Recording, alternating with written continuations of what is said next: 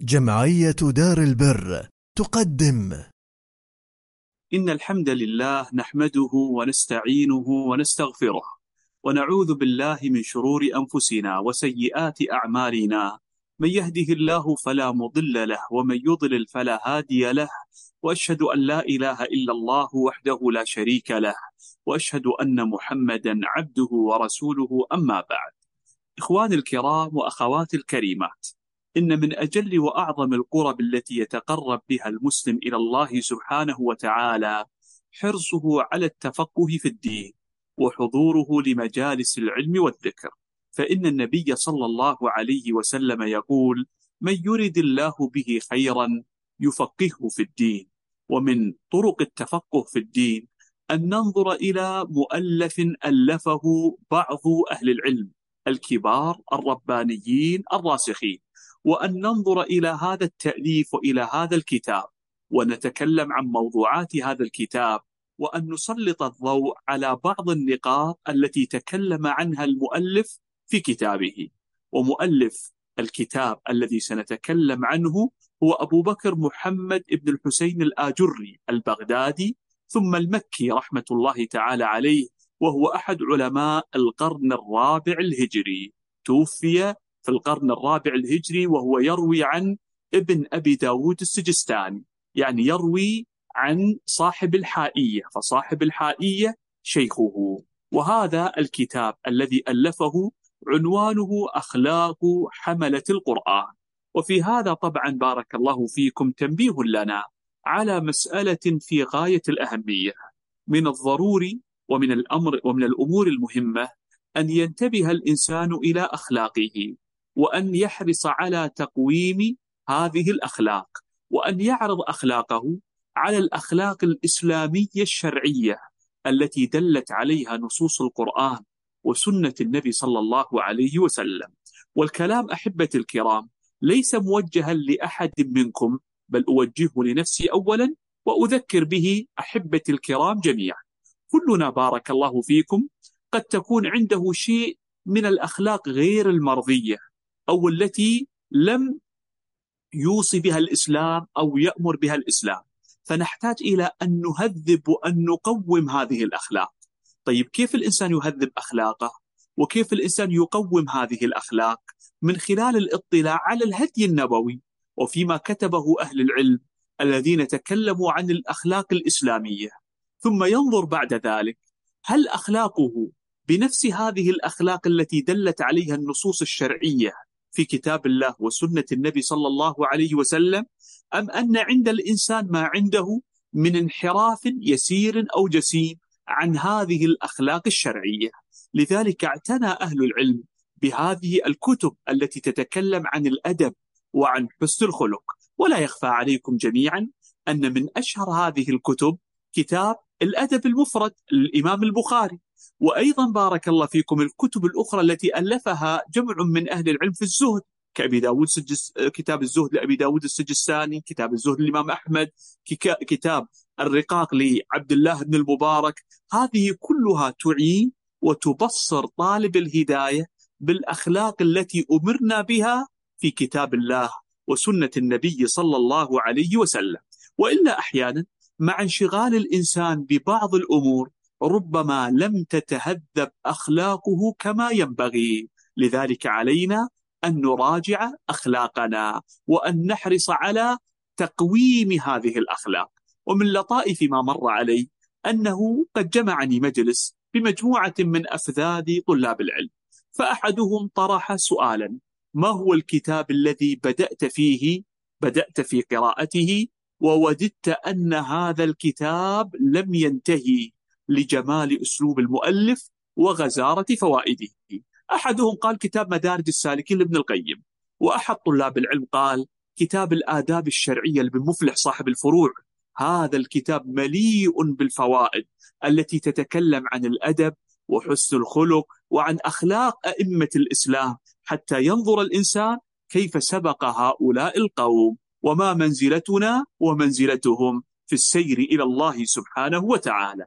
المقصود بارك الله فيكم أن نحرص على تهذيب أخلاقنا. وإذا طلبت العلم وكلنا والكلام أوجهه لنفسي قبل أن أوجه لأي أحد آخر.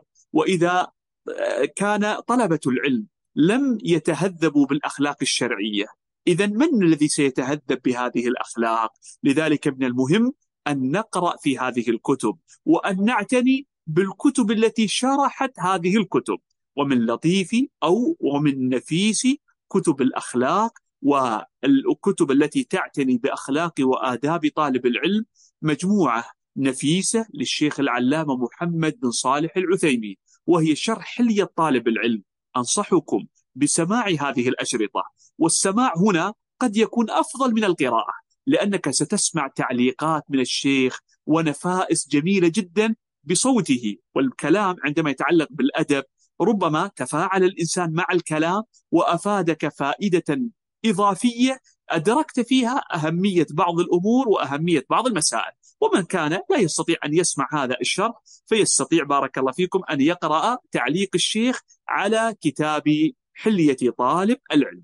الآن بارك الله فيكم نستعرض بعض موضوعات كتاب أخلاق حملة القرآن وطبعا بارك الله فيكم حملة القرآن حالهم كحال سائر الناس من ناحية أنه قد يوجد فيهم حسن الخلق وقد يوجد فيهم وهم قلة بإذن الله عز وجل من ابتلي بسوء الخلق. فلذلك علينا جميعا إذا أردنا أن نكون ممن حمل القرآن وكان من أهل القرآن بحق وحقيقة أن نتصف بأخلاق حملة القرآن.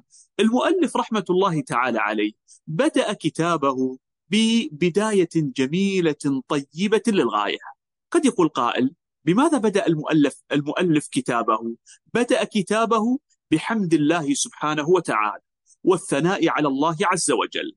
قال المؤلف رحمة الله تعالى عليه حمد من يعلم أن مولاه الكريم علمه ما لم يكن يعلم. لاحظوا هذه الجملة ودقة عبارة المؤلف. مع التنبيه طبعا أن المؤلف إمام من أئمة أهل السنة والجماعة هو صاحب الكتاب العظيم كتاب الشريعة هذا الكتاب النفيس الشريعة للآجري هذا الكتاب كتاب عظيم من كتب المعتقد ومن كتب السنة. المقصود بارك الله فيكم أن المؤلف بدأ بحمد الله والثناء على الله عز وجل فهو الذي علم الإنسان علم حامل القرآن ما لم يكن يعلم. وفي هذا طبعا تنبيه على بعض المسائل.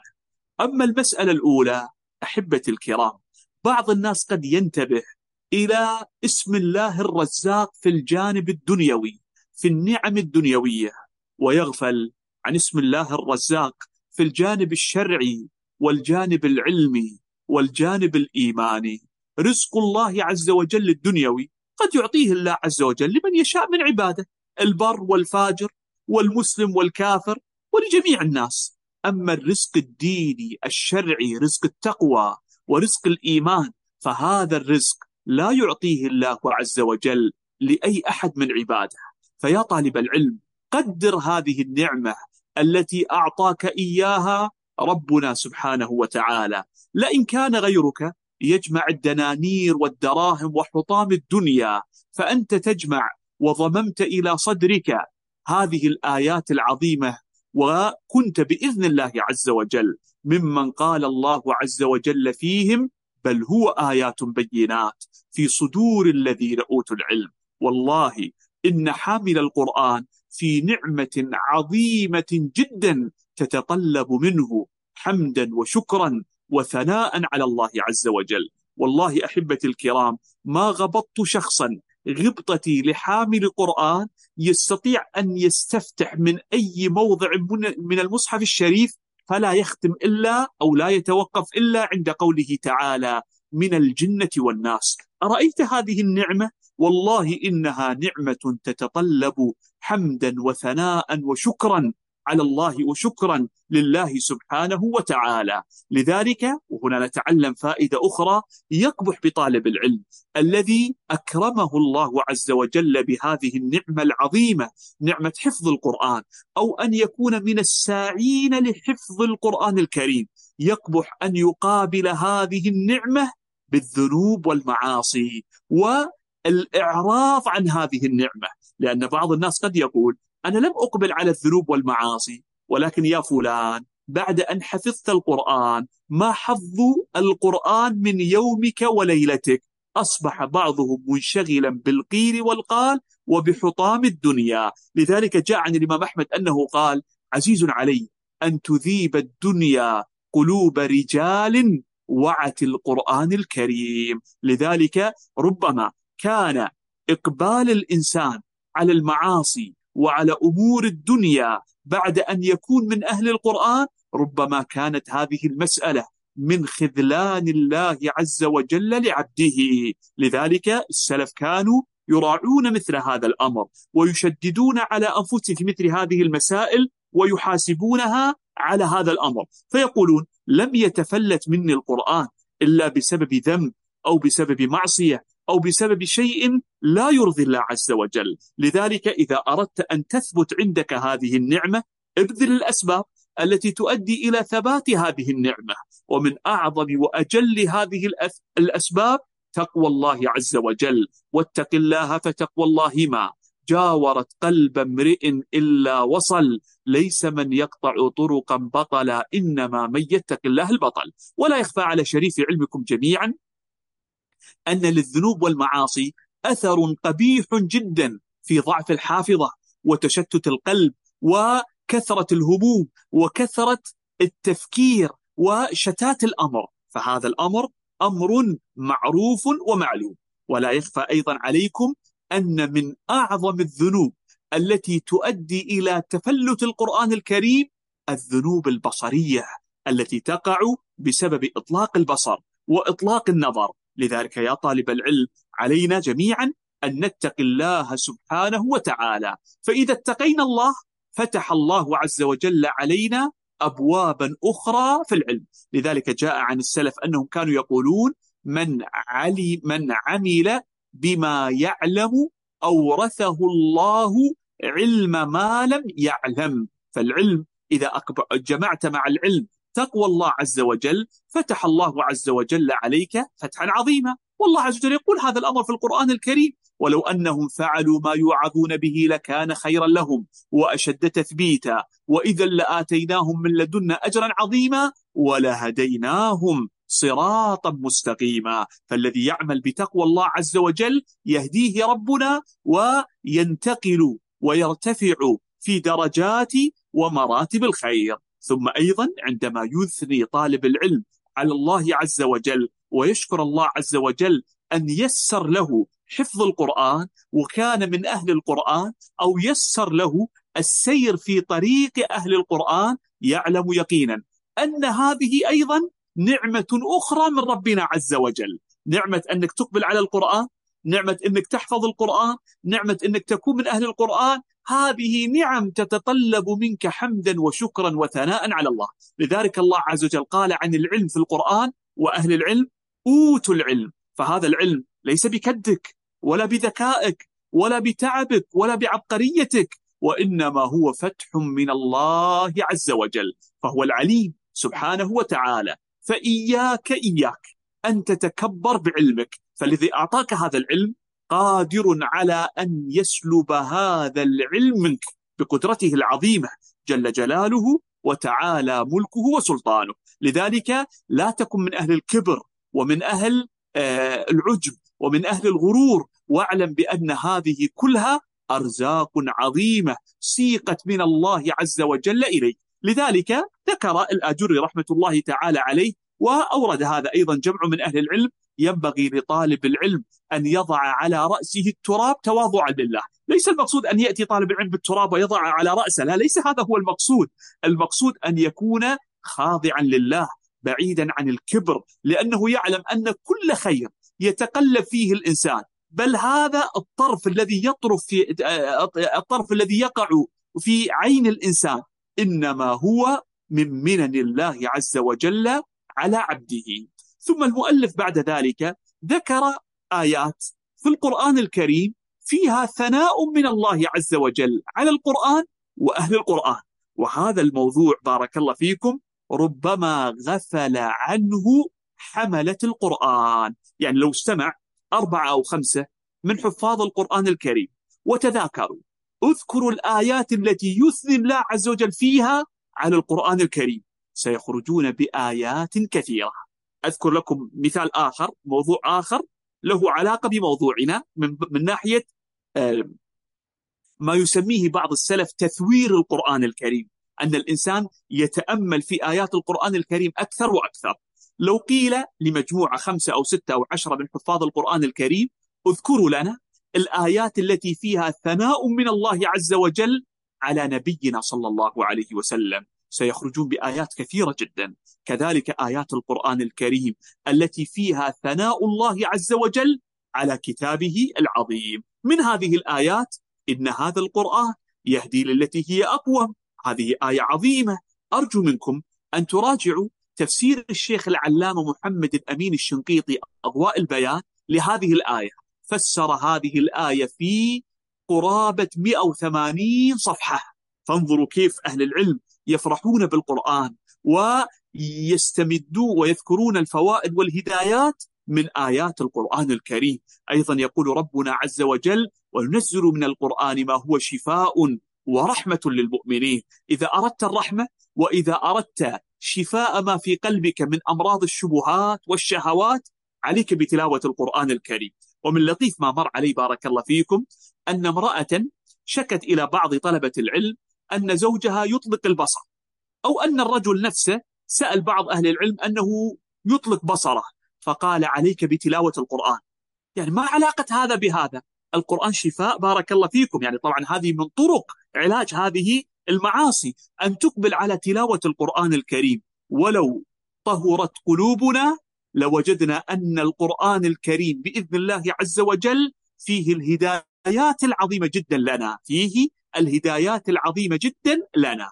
وأيضا المؤلف ذكر قول الله عز وجل الله نزل أحسن الحديث كتابا متشابها. فكيف طالب العلم يترك أحسن الحديث؟ وكيف المسلم الصادق مع الله يترك أحسن الحديث؟ ويشغل وقته بسماع مزمار الشيطان وكلام الخنا والعياذ بالله وكلام الغيبة والنميمة وغير ذلك من الأمور. لذلك قال بعض أهل العلم حب الكتاب وحب ألحان الغنى في قلب عبد ليس يجتمعان. لذلك أحبتي الكرام استأملوا وأنتم تختمون القرآن الكريم.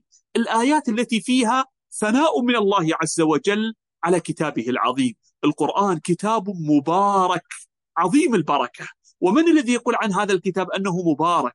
الله عز وجل الذي يعطيك البركة ويسبغ عليك النعم والخيرات العظيمة. كيف تكون بركة القرآن؟ بركة عظيمة يجدها الإنسان في عقله في تقواه في لسانه في إيمانه في ذكائه ربما في صحته ربما في صلاح أولاده إلى غير ذلك من الأمور. ومن بركة القرآن بارك الله فيكم أن الآجري لو خرج من قبره مثلا وقيل له لما ألفت كتابك هل كنت تتوقع في يوم من الأيام أن الناس في مشارق الأرض ومغاربها يشرحون كتابك ويعلقون على كتابك ويحققون كتابك ويذكرون الفوائد المستنبطة من كتابك؟ هذا من بركة العلم ومن فائدة العلم ومن منة الله عز وجل على أهل العلم. الناس موتى وأهل العلم أحياء. ثم أيضا بارك الله فيكم من أعظم ما يحفزك على العناية بالقرآن الكريم أن تتأمل في ثناء الله عز وجل على القرآن وأهل القرآن. جاء عن بعض السلف إن طالب الهدى معنى كلامه إن طالب الهدى تكفيه آيات القرآن والسنة. وأما الذي لا يطلب الهدى وبعيد عن الهدى لو تناطحت الجبال بين يديه لن يتعظ قلبه. لذلك أحبتي الكرام بعض الناس يقول لك أنا أريد شيء يحفز قلبي في طلب العلم. عليك نصوص القرآن والسنة.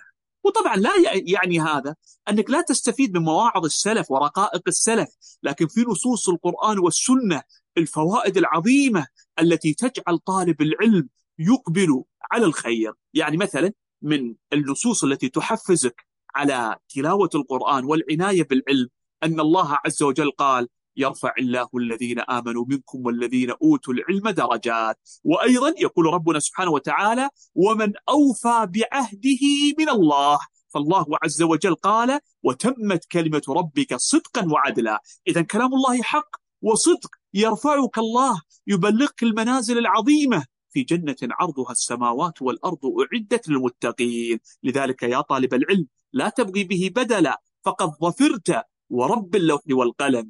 وقدس العلم واعرف قدر حرمته في القول والسر والإسرار والعلن. لذلك أحبتي الكرام على الإنسان أن يقبل على تلاوة القرآن ويستشعر هذه الأجور العظيمة. وهنا أنبه على فائدة. بعض الناس يقول لك أنا أعلم القرآن ولم أجد أي تقدير من المجتمع. سبحان الله العظيم. أترجو التقدير من المجتمع؟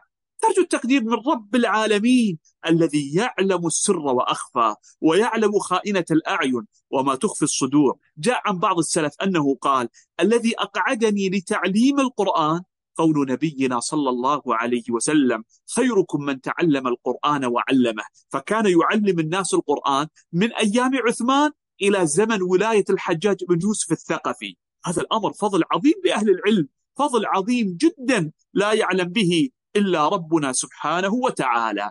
ومن لطيف العناية بالقرآن أن القحطاني صاحب النونية المشهورة ماذا يقول؟ امزجه يا ربي بلحمي مع دمي. يعني الإنسان إذا كان متعلقا بالقرآن ما يصبر عن التأمل والتدبر وكثرة تلاوة القرآن الكريم. يرى بأن الإنسان إذا مر عليه يوم وليلة لم يأكل الطعام.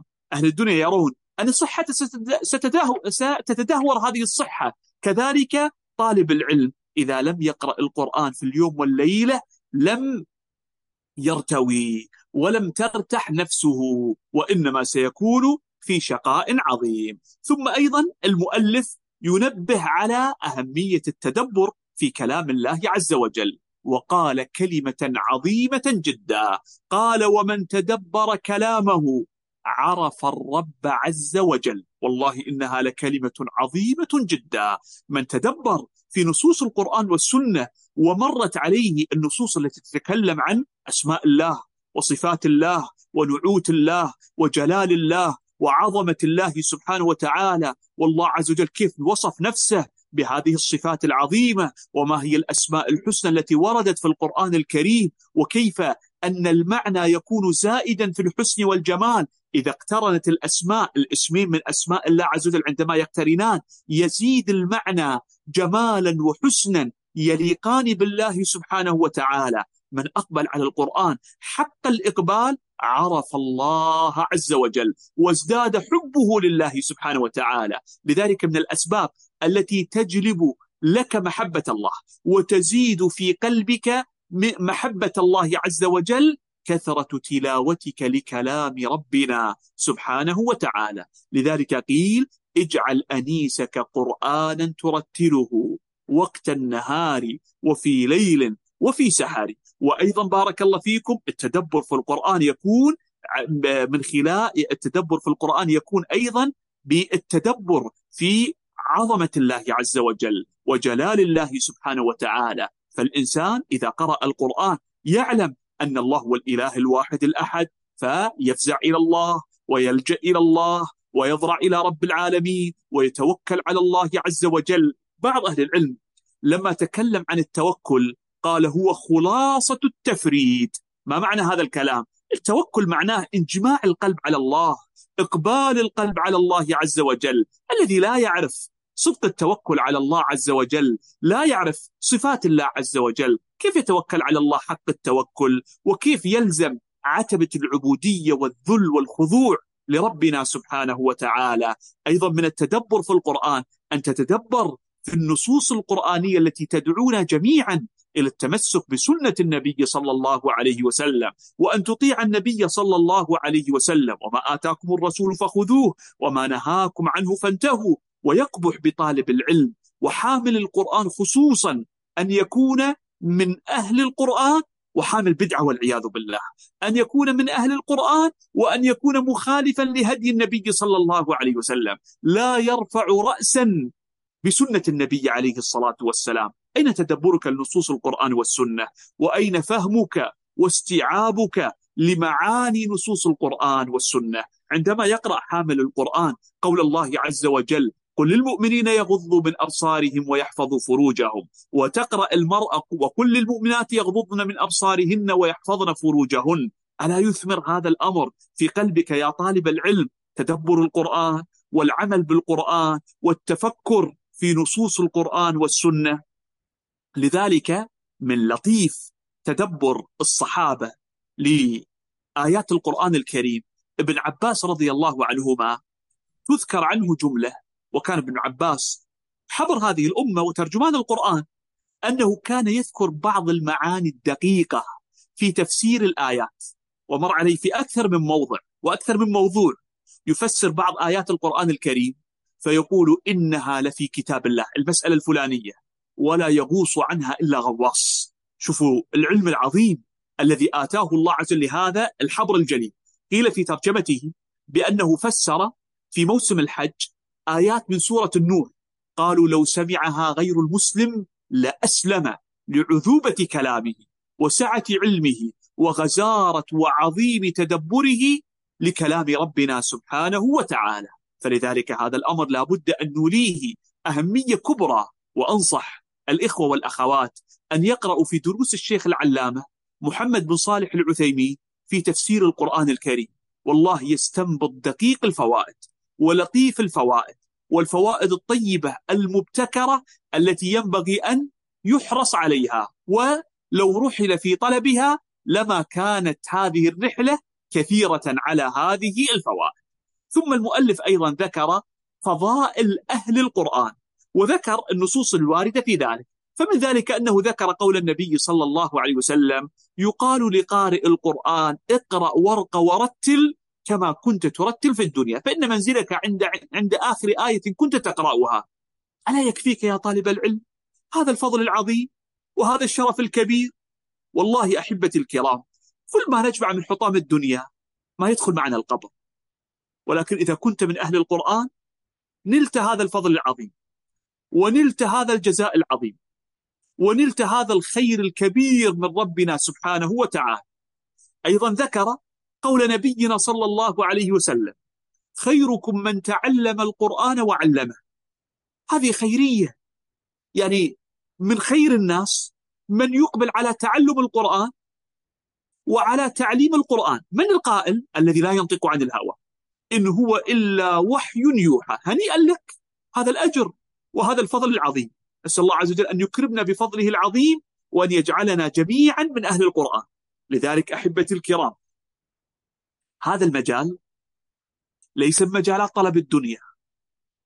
هذا المجال كما سيأتي معنا ليس من مجالات التأكل بالقرآن. ولا تظن أنك إذا أعطاك الله عز وجل علما بالقرآن الكريم أنك تمن على دين الله عز وجل.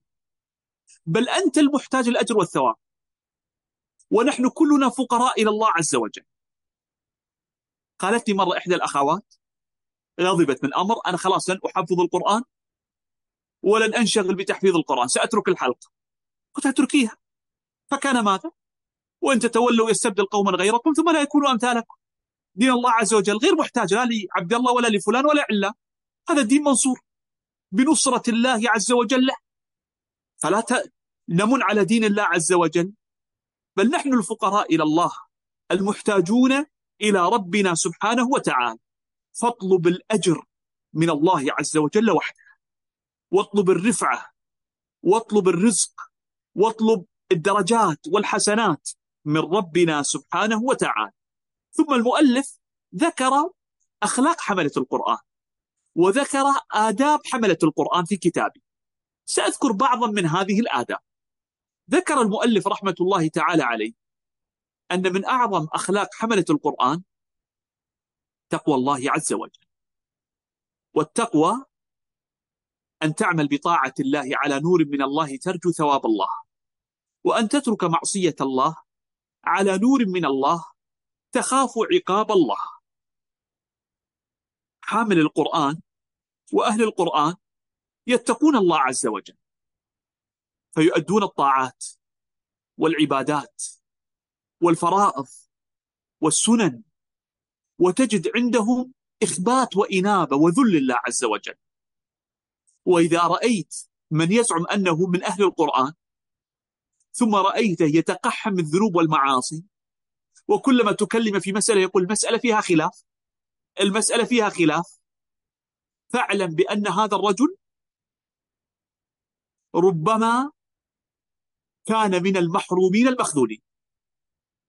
ذكر ابن الجوزي في بعض كتبه صيد الخاطر أن رجلا يقول فعلت كذا وكذا ولم أبتلى بعقوبة.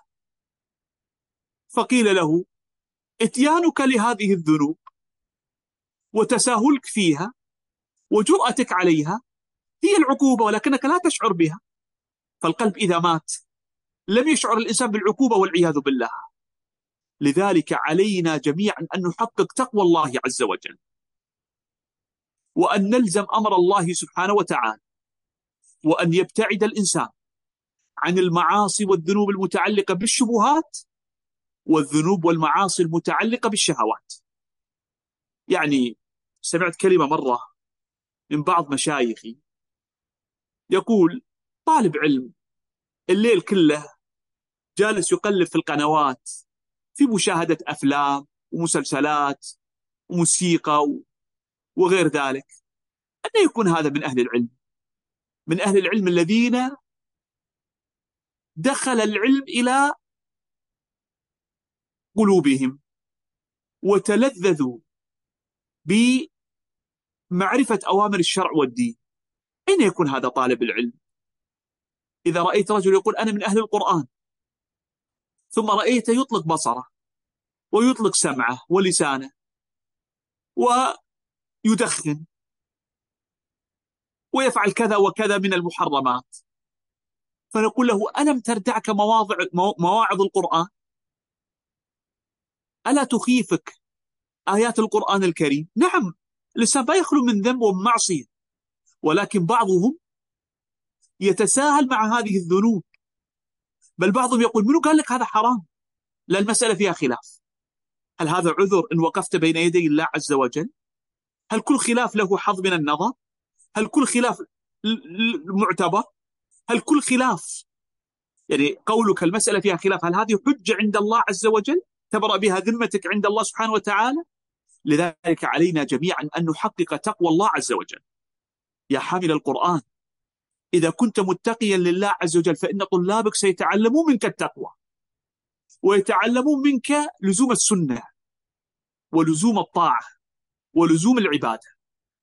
فكن قدوة لهم في تعليمهم تقوى الله عز وجل. ذكر المؤلف أيضا من أخلاق حملة القرآن حفظ اللسان.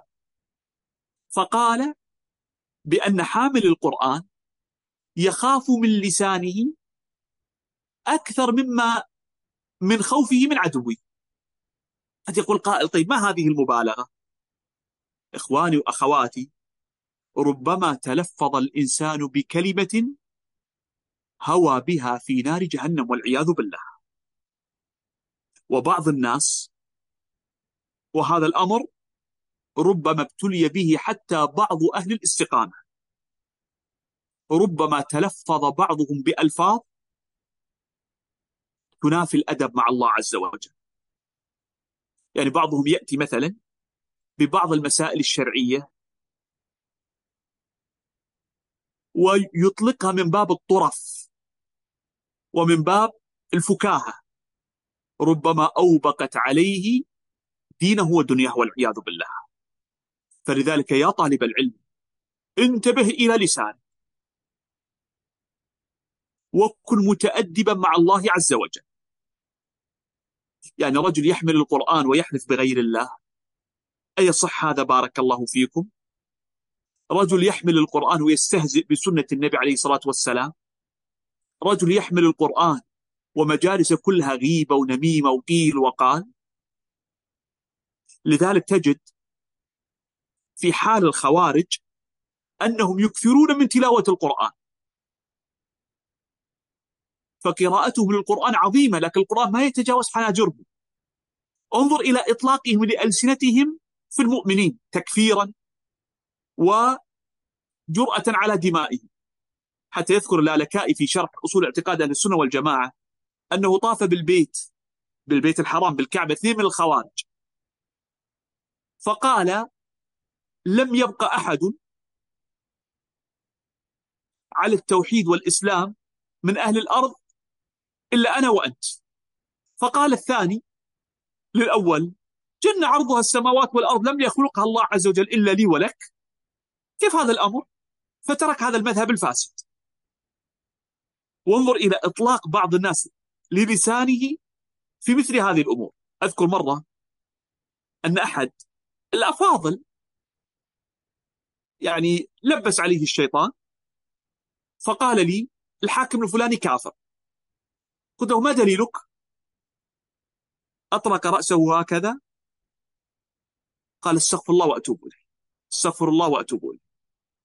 طيب لماذا بارك الله فيكم الإنسان يفعل مثل هذا الأمر؟ تجد أحيانا بعضهم ظاهره الاستقامة. انظر إلى اللعن الذي يتساهل فيه. بعضهم حتى يتساهل لأنه ينتمي إلى حزب معين. عندما يريد أن يتكلم على بعض ولاة الأمر يتساهل حتى في قذف أعراضهم والعياذ بالله هل هذا من حمل القرآن؟ هل هذا الأمر من أخلاق حملة القرآن؟ لذلك على الإنسان أن يتقي الله سبحانه وتعالى ويضبط لسانه وأيضا إذا كان لسانك جريئا على أهل العلم كلامي عن أهل العلم العلماء الراسخين المعروفين بالعلم راجع نفسك فإن بعض الناس إذا لم تعجبه فتوى عالم قال هؤلاء عملاء منافقون. أحذية السلطان. اتق الله عز وجل. تجعل هؤلاء أهل العلم خصومك عند الله عز وجل؟ ربما والله عوقب طالب العلم بالعقوبات العظيمة بسبب إطلاقه للسانه في أهل العلم بالثلب والتنقص والعياذ بالله. ثم أيضا ذكر المؤلف أن من آداب حملة القرآن وأخلاق حملة القرآن أنه لا يمدح نفسه بما فيها. فكيف يمدح نفسه بما ليس فيها؟ يعني أحيانا تجد بعض الناس ما عنده إلا أنا وأنا. فربما جره هذا الأمر إلى أن يمدح نفسه بما ليس فيها. يعني بعضهم في مجال حفظ القرآن يطلق الدعوات العريضة. أنا أقرأ القرآن من الفاتحة إلى الناس بدون ولا غلطة ولا تنبيه ولا فتح ولا غيره. فربما قرأ الفاتحة فأخطأ فيها. ما لك ولهذه الأمور؟ ولماذا تمدح نفسك؟ اطلب الرفعة من الله. ارجو الخير من الله والله الناس ما يملكون لك شيء. والله كل واحد منا سيلقى الله وحده ويوضع في قبره وحده. فما يغني عنك ثناء الناس؟ وما الذي تنتفع به من ثناء الناس؟ فكيف طالب العلم؟ يعني هذا الأمر يسقط حتى طالب العلم من أعين العامة. ما يدرس في مدرس إلا ويقول أنا وأنا أنا وأنا.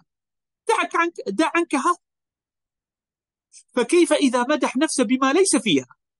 لأنه يريد أن يمدح نفسه. فيقول أنا عندي القراءات العشر. تقول له يا فلان عندك؟ لا أنا ما عندي القراءات العشر لكن أنا أقرأ الآن على شيخ بالقراءات العشر. الكلام الأول غير عن الكلام الثاني. بعضهم يقول أنا مجاز بالقراءات العشر. تقول له كيف أجزت؟ أجيز بالمراسلة. هذا موجود. أو قرأ سورة سورتين وبعضهم يتساهل وأجازه مباشرة. وبعضهم يتلاعب ببعض الألفاظ وبعض الأمور حتى يمدح ويعرف عند الناس. هذا لا يصح. أعلم بأن هذا الأمر إن شاء الله نادر وقليل جدا لكن لابد أن نذكر أنفسنا فإن هذه الأمور مؤثرة وهي أدواء تكون أحيانا في بعض حملة القرآن. ثم أربط بين أمرين بين التقوى وضبط اللسان. أحبتي الكرام والكلام وجهه لنفسي. إذا كنت لا أحسن المسألة لابد أن أقول لا أدري. وينتهي الإشكال. علمك بالقراءات وكونك من أهل القرآن لا يستلزم أن تكون متضلعا في العلم الشرعي. فهذان الأمران يعني غير مرتبطين ارتباطا وثيقا. فربما يكون الرجل متقن للقرآن لكن ما يفقه شيء في الدين. فإذا سئلت عن مسألة قل لا أدري. فإن بعض الناس إذا كان من أهل القرآن يستحي أن يقول لا أدري شو بيقولون عني فليقولوا ما يقول. فكان ماذا؟ شيخنا الشيخ عبد المحسن العباد ما تجلس معه مجلس إلا وإذا يعني تسمع منه في الغالب لا أدري. ربما سئل بعض الأسئلة اليسيرة فيقول لا أدري ما أبردها والله على القلب. والله الواحد يتعلم من أهل العلم الكبار هؤلاء كيف يسلم في آخرته بإذن الله عز وجل. لذلك المجنون الذي يجيب على كل شيء. لا أظن المسألة كذا لا ما في أظن. عندك دليل تكلم. ما عندك دليل. المسألة ليست استحسانات عقلية وإنما أدلة شرعية. لذلك بعض القراء تسرع إليهم البدعة. لماذا؟ لأن ما عنده علم شرعي ولا يريد أن يتعلم يستحي يتعلم العلم الشرعي فيأتي بالعظائم وينطق بالقبائح. نسأل الله العفو والعافية. ثم أيضا ينبه المؤلف على خطورة طلب الرفعة في الدنيا بالقرآن. يعني من دقيق ما ينبه عليه بعض أهل العلم من أمور العجب. أنك تجد بعض الناس يقوم الليل. فإذا استيقظ لصلاة الفجر وراح المسجد ووجد الصف الأول مثلا أنا هذا أذكره من باب المثال وإلا أصل الكلام ذكره القرطبي في المفهم. فوجد المسجد مثلا في الصف الأول قد امتلأ ولم يوسع له أحد. يقول انظر إلى هؤلاء لا يستحون. أنا الذي أقوم الليل ما في أحد يوسع لي في المجلس؟ سبحان الله العظيم. هذا من التأكل بالقرآن وبالدين تأكل الدنيا بهذه الأشياء. لذلك على الإنسان أن يراقب قلبه. وأحيانا حب الرئاسة وطلب العلو قد يكون كامنا في نفس الإنسان. وربما المبتلى بحب الرئاسة لم يشعر أنه مبتلى بحب الرئاسة. نسأل الله العفو والعافية. لذلك إياك أن تكون ممن يأكل بالقرآن حطام الدنيا. يذكر عن سمعت أحد مشايخي الشيخ صالح السحيمي الله يحفظه ويطول العمر على الطاعة يقول بأن قارئا يقرأ في المآتم والعزاء. أحضر. فقرأ آيات من القرآن. فسمع أهل العزاء يتهامسون أنه سيعطى المبلغ الفلاني ولا يرضيه هذا المبلغ. فقرأ قول الله عز وجل خذوه فغلوه. إلى آخر الآيات. فقالوا سنرضيك نعطيك مبلغ أعلى. فقرأ مباشرة يا أيتها النفس المطمئنة. أليس هذا من التأكل بالدنيا؟ ومن أكل الدنيا بالقرآن؟ والله إن هذا أمر قبيح للغاية. نسأل الله العفو والعافية. لذلك لنحذر من داء الكبر والعجب والغرور. ومن علامات الإخلاص أنك تفرح إذا نشر غيرك الخير. يعني بعضهم يقول إما أن ينتشر الخير عن طريقي ولا ما في. لا ما يصح بارك الله فيك. إذا وجدت أن غيرك كفاك المؤونة ربي لك الحمد كثر الله خيرهم. كفيت المؤونة. والله سلمني من هذا الأمر ومن هذا الحمل. فلذلك الإنسان ينتبه لداء الكبر والعجب والغرور. ثم أيضا نبه المؤلف تنبيه لطيف عابر هكذا. أن من أخلاق حملة القرآن العناية ببر الوالدين. ذكر هذا في أخلاق حملة القرآن. أحبتي الكرام العلم رحمة. فإذا أكرمك الله بالعلم كن رحيما. حسن الخلق مع الناس. رأيت رجل من أهل العلم محبوب جدا. لكبار السن. يعني والدي يحبه والناس تحبه إذا دخل المجلس يحبونه حب عظيم. قلت والله أعلم لهذا عدة أسباب لكن منها أن هذا الرجل حسن الخلق معه. يصل الكبير والصغير ويتعامل معهم بالتعامل الطيب. حامل القرآن. عنده بر الوالدين. وإحسان الوالدين. وهنا أذكر فائدة. قد نذكر جميعا بعض القصص المتعلقة بعقوق الوالدين لشناعتها والتحذير منها طبعا. لكن في المقابل أيضا والله توجد بعض النماذج الطيبة والطيبة جدا في موضوع بر الوالدين. قبل أيام جمعني مجلس بأحد الأصدقاء القدامى وهو على تدين واستقامة وخير. قال لي عن أخيه الأصغر قال لا أستطيع أن أنافس في بر الوالدين. أتعبني. ما أستطيع. سبقا. قال لي أخي هذا يضرب أروع الأمثلة في بر الوالدين. قال يترك بيته ويأتي عند أمي ويصلح لها الشاي طبعا هذا غير الزيارات يعني ثم يمشي. بنفسه يصنع الشاي لأمه. وأعرف أحد الكرام هنا عندنا ضرب مثالا عظيما في موضوع بر الوالدين. وكنت أراه. وأعلم مدى انشغاله في موضوع بره بوالده وقد كبر والده توفي رحمة الله تعالى عليه قريب. فكنت والله أواسيه. وأقول ستجد العاقبة الطيبة لهذا البر العظيم والخدمة العظيمة لوالديك. وقضى ربك ألا تعبدوا إلا إياه بالوالدين إحسان. فلذلك هذه المسألة من أهم أخلاق حملة القرآن. ثم ذكر المؤلف أيضا موضوع الصبر على تعليم الناس. تعليم الناس أمر يتطلب صبرا. وفيه مشقة. والدعوة إلى الله عز وجل لا تظن أنها طريق مفروشة بالورود. لا فيها مشقة وفيها تعب. لابد أن تصبر وتتحمل الناس.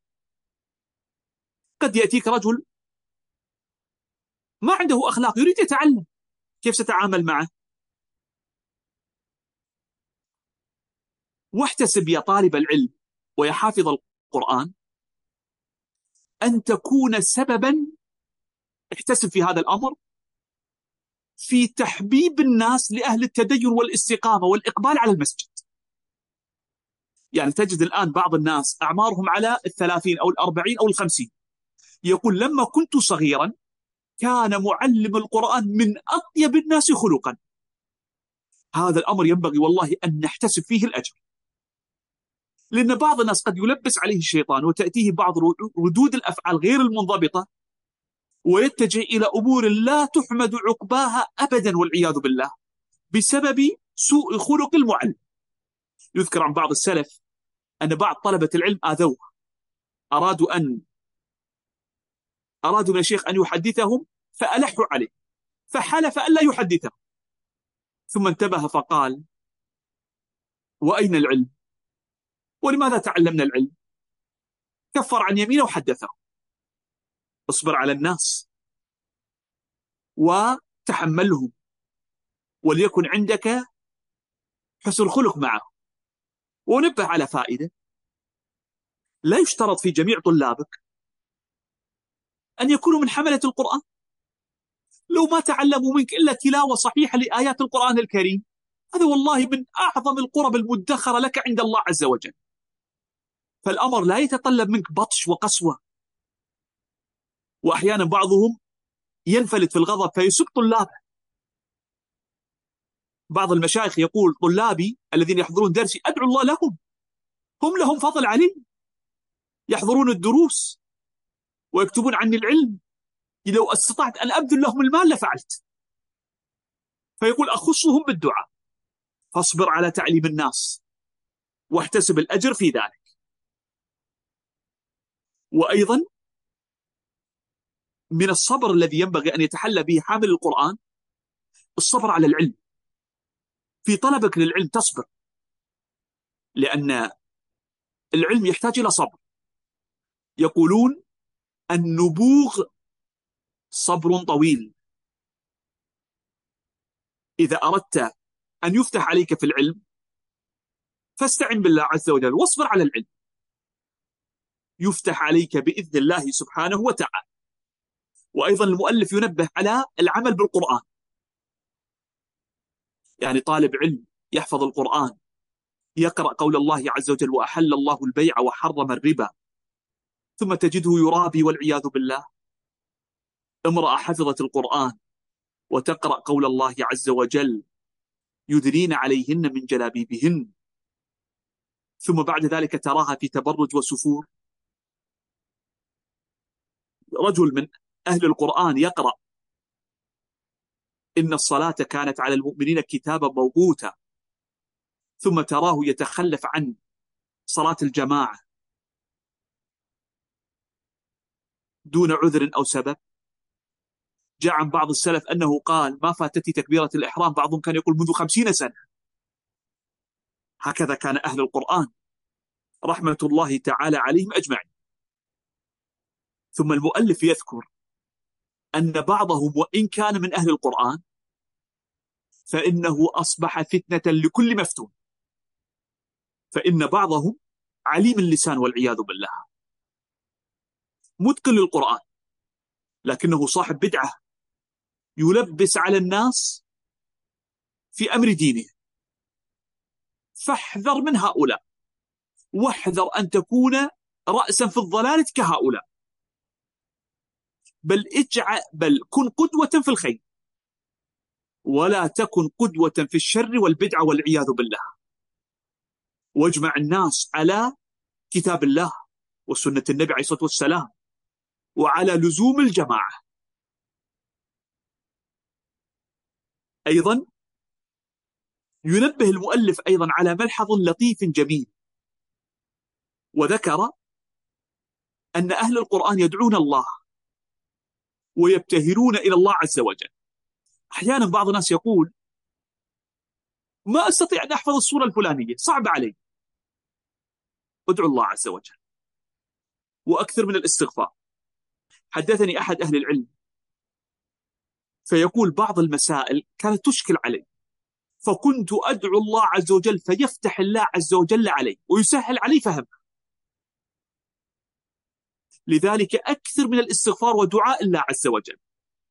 وحقيقة بارك الله فيكم قد ندعو الله عز وجل ونطلب الرزق الدنيوي. وقليل منا من يدعو الله عز وجل ويطلب الرزق الأخروي. فلنحرص على هذا الأمر. وأيضا بارك الله فيكم أختم بهذا التنبيه الذي نبه عليه المؤلف.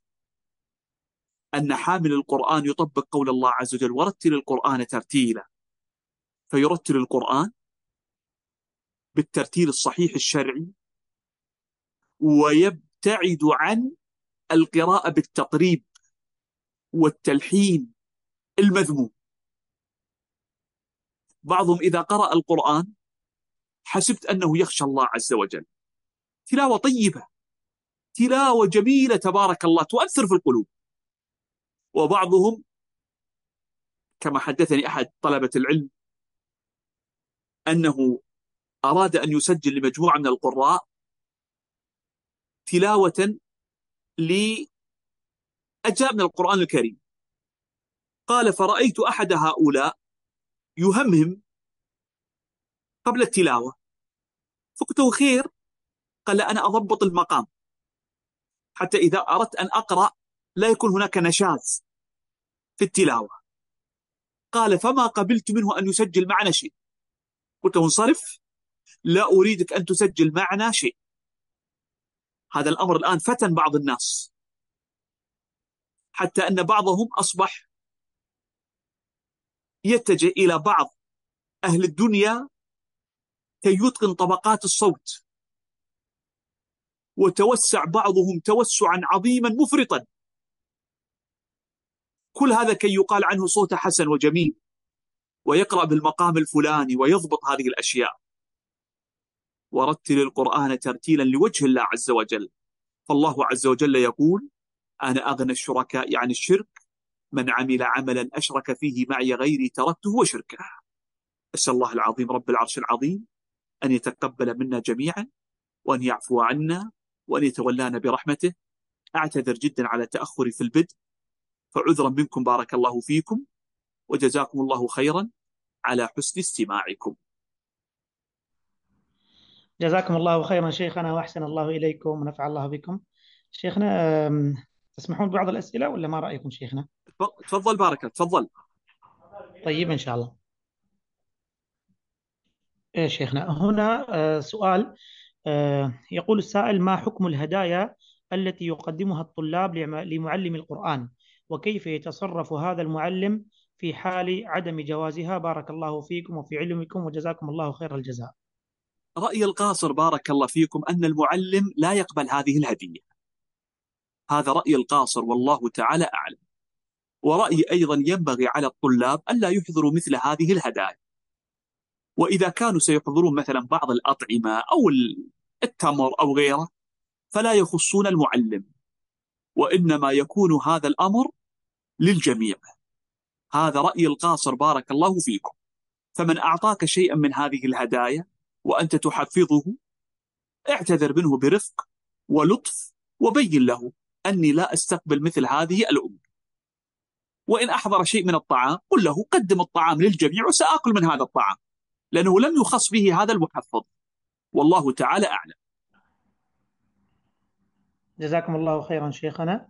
أه هنا سؤال إذا كان حامل القرآن ابتلي ببعض الذنوب فكيف يتخلص منها؟ جيد. هذا السؤال جيد. إخواني وأخواتي كلنا نقع في الذنوب والمعاصي. لكن علينا أن نجاهد أنفسنا.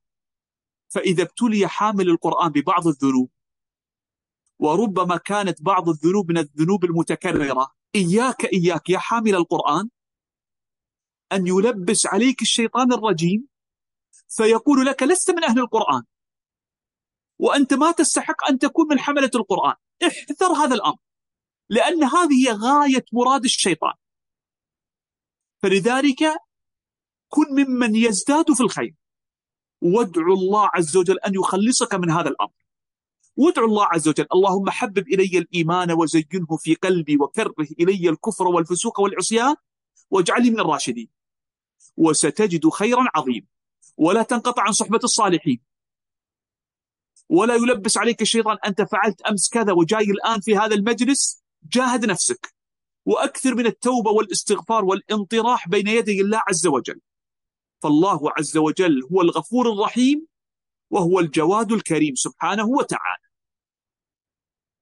جزاكم الله خيرا شيخنا وأحسن الله عليكم نأخذ بعض الأسئلة الشفهية. الأخ عبد القدير نيبالي تفضل.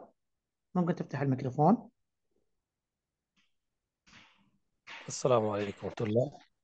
وعليكم السلام ورحمة الله وبركاته. لا شيخ بعض الإخوة بعض الإخوة يحفظ القرآن وينسى مباشرا. ما هو حل؟ أحسنت أحسنت أخي عبد القدير لقد سألت عن عظيم. بعضنا قد يحفظ شيئا من القرآن وينسى مباشرة. استعن على هذا الأمر بدعاء الله عز وجل. واطلب من الله أن يعينك على قوة الحفظ. واستعن بالله عز وجل بكثرة الاستغفار وترك الذنوب والمعاصي. ثم أيضا أحبتي الكرام من أسباب ضعف الحافظة التشتت شتات الأمر. تجد الإنسان يركز على عشرين شيء. كيف سيكون ذهن الإنسان صافيا؟ لذلك من أراد أن يتقن شيء فلينقطع إليه. وهذه الأمور تأتي بالدربة ومرور الأيام والليالي. ثم أيضا أحبتي الكرام لو حفظت ونسيت وحفظت ونسيت وحفظت ونسيت إلى آخر العمر فكان ماذا؟ أنت إن شاء الله من أهل القرآن. فاستمر ولا يلبس عليك الشيطان. أخونا الشيخ أبو حاتم عاشور الشيخ عاشور. السلام عليكم ورحمة الله وبركاته. أحسن الله عليكم شيخنا. وعليكم السلام ورحمة الله وبركاته. أهلا وسهلا. تفضل.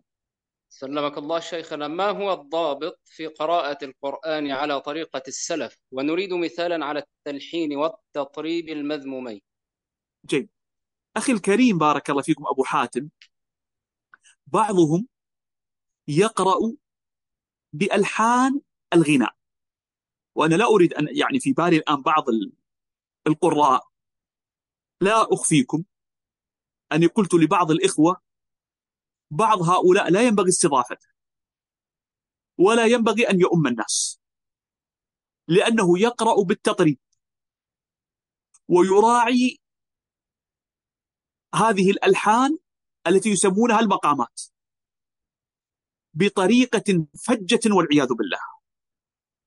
وأما السلف فكانوا يقرؤون على سليق يعني يقرؤون القرآن بتجويد لكن على سليقتهم لا يراعون مثل هذه الأشياء التي يفعلها بعضهم.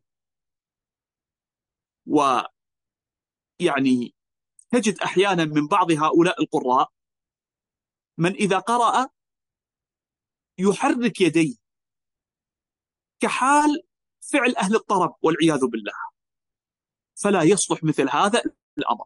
هذا لا يعني أن الإنسان لا يقرأ بصوت حسن وترتيل طيب وترتيل فيه تجويد مع مراعاة حرمة كلام الله عز وجل. وبالمناسبة بعض أهل المقامات يذكرون بأن هناك طرق لتلاوة القرآن هم يذكرون هذا. قالوا بالاتفاق لا تجوز عندنا. هذا اللي يذكر من هذا؟ من الذي يذكر هذا؟ أهل المقامات. قالوا لأنها لا تناسب معك لا تتناسب مع كلام الله عز وجل. فلذلك طالب العلم جاء في بعض الأخبار إذا سمعته يقرأ القرآن حسبت أنه يخشى الله.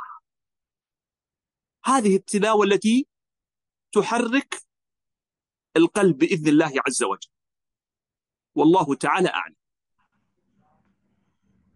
آه شيخنا هنا سؤال. ممكن تعيدون ذكر كتب الأخلاق. بارك الله فيكم. مثلا بارك الله فيكم شرح لي الطالب العلم الشيخ محمد بن صالح العثيمين الأدب المفرد وشيخنا الشيخ عزيز فرحان يشرحه والدروس معروفة بارك الله فيكم. وأيضا الآداب الشرعية لابن مفلح. هذا كتاب عظيم عظيم جدا بارك الله فيكم. التعليق على مقدمة المجموع للشيخ محمد بن صالح العثيمين هذه الرسالة أخلاق حملة القرآن. شرحها الشيخ عبد الرزاق البدر. أنصحكم بالاستماع إلى شرح الشيخ وكتابة الشيخ. يعني بعض شروحات الشيخ تفرغ. فعليكم بهذه الكتب فإنها كتب مفيدة بإذن الله عز وجل. شكر الله لكم شيخنا. شيخنا كم سؤال ناخذ؟ لأن ما شاء الله أسئلة كثيرة. نأخذ ثلاثة بارك الله فيك. طيب طيب إن شاء الله. أبشر شيخنا. هنا أيضا طلب من من أحد الإخوة نرجو من فضيلة الشيخ دورة موسعة في آداب حملة القرآن. بارك الله فيكم. سلمكم الله. أنا أحيل على مليء. من أفضل من يتكلم عن هذه الأمور آه، قرة عيني وشيخي وتاج راسي الشيخ خالد إسماعيل. هو بارك الله فيكم من أفضل من يتكلم عن هذه الأمور وأحسن مني وأفضل مني بارك الله فيكم. وإن شاء الله الإخوة في الجمعية ينسقون معه دورة لمثل هذه الأمور بإذن الله عز وجل. أبشر شيخنا إن شاء الله بإذن الله. جزاك الله خير. جزاك الله خير. آه شيخنا أيضا هنا سؤال آه أحسن الله إليكم شيخنا الفاضل آه بعض أساتذة القرآن يشددون في أمر التجويد على المبتدئين مبتدئين في تعلم القرآن. فما فما نصيحتكم لهؤلاء الإخوة؟ جزاكم الله خيرا. والله أرى بأن هذا الأمر لا ينبغي. بعضهم ثلاثة أشهر في الاستعاذه ثلاثة أشهر. لا يصلح مثل هذا. وليس المطلوب من الطفل الموجود أمامك أن يكون من كبار القراء. لكن أنت تعلم الطريقة الصحيحة للتلاوة. وبعض التدقيقات يمكن أن تؤجل إلى المرحلة التالية. ولكن التدقيق العظيم الشديد أنا لا أقول إن اللحن الجلي تمشيه والأخطاء هذه نمشيها لا لا. لكن أحيانا بعضهم يشدد تشديدا عظيما للغاية. فيقول بعضهم لا أريد أن أقرأ القرآن. لا أريد أن أتعلم القرآن. فلا يصلح مثل هذا الأمر. ما كان الرفق في شيء إلا زانه وما نزع من شيء إلا شانه. والله المستعان. السؤال الأخير شيخنا كيف نحبب أبناءنا في القرآن؟ جيد. والله هذا أمر طيب وسؤال جميل جدا. نحبب أولادنا في القرآن بأن نشجعهم على حفظ القرآن الكريم. شجعهم حثهم على هذا الأمر. معاشر الآباء كلموا أولادكم. أنا يا عبد الله كلم أولادك اقروا قرآن احفظوا القرآن. لا نتركهم بحجة أن ما قدرنا عليهم فخلاص نبعدهم عن القرآن. لا لا شجعه. لو عندك ولد الآن عمره 20 سنة قل له كل يوم تقرأ شيء من القرآن. وأيضا أثني عليهم. طفل صغير من أولادك سمع آية الكرسي أثني عليه. واصبر عليه. أثني عليه واصبر عليه وحدث عن القرآن. ومع مرور الأيام والليالي سيتعلق بالقرآن بإذن الله عز وجل. واستخدم معه الترغيب قدر الاستطاعة. وربما شيء من الحزم لكن بقدر مناسب. وشجعهم على هذا الأمر. الأحبة الكرام إذا كان عندكم أولاد لو كانوا متزوجين شجعوهم على تلاوة القرآن. في رمضان قل لابنك اجلس في المسجد بعد صلاة العصر. ولو ثلث ساعة ولو نصف ساعة. كن أنت قدوة لهم في تعليم القرآن وتحفيظ القرآن. قل لهم امسكوا المصحف وأنا سأقرأ القرآن. ترى هذه أمور تؤثر فيهم. وادعوا الله عز وجل لهم بأن يكونوا من أهل القرآن. وستجد خيرا عظيما بإذن الله عز وجل. جزاكم الله خيرا شيخنا وأحسن الله إليكم. بارك الله فيكم وشكر الله لكم وجزاكم الله خير الجزاء. أسأل الله العظيم رب العرش العظيم أن يجعلنا من أهل القرآن وأن يجعل هذا الكلام حجة لنا لا علينا. جزاكم الله خيرا وبارك الله فيكم.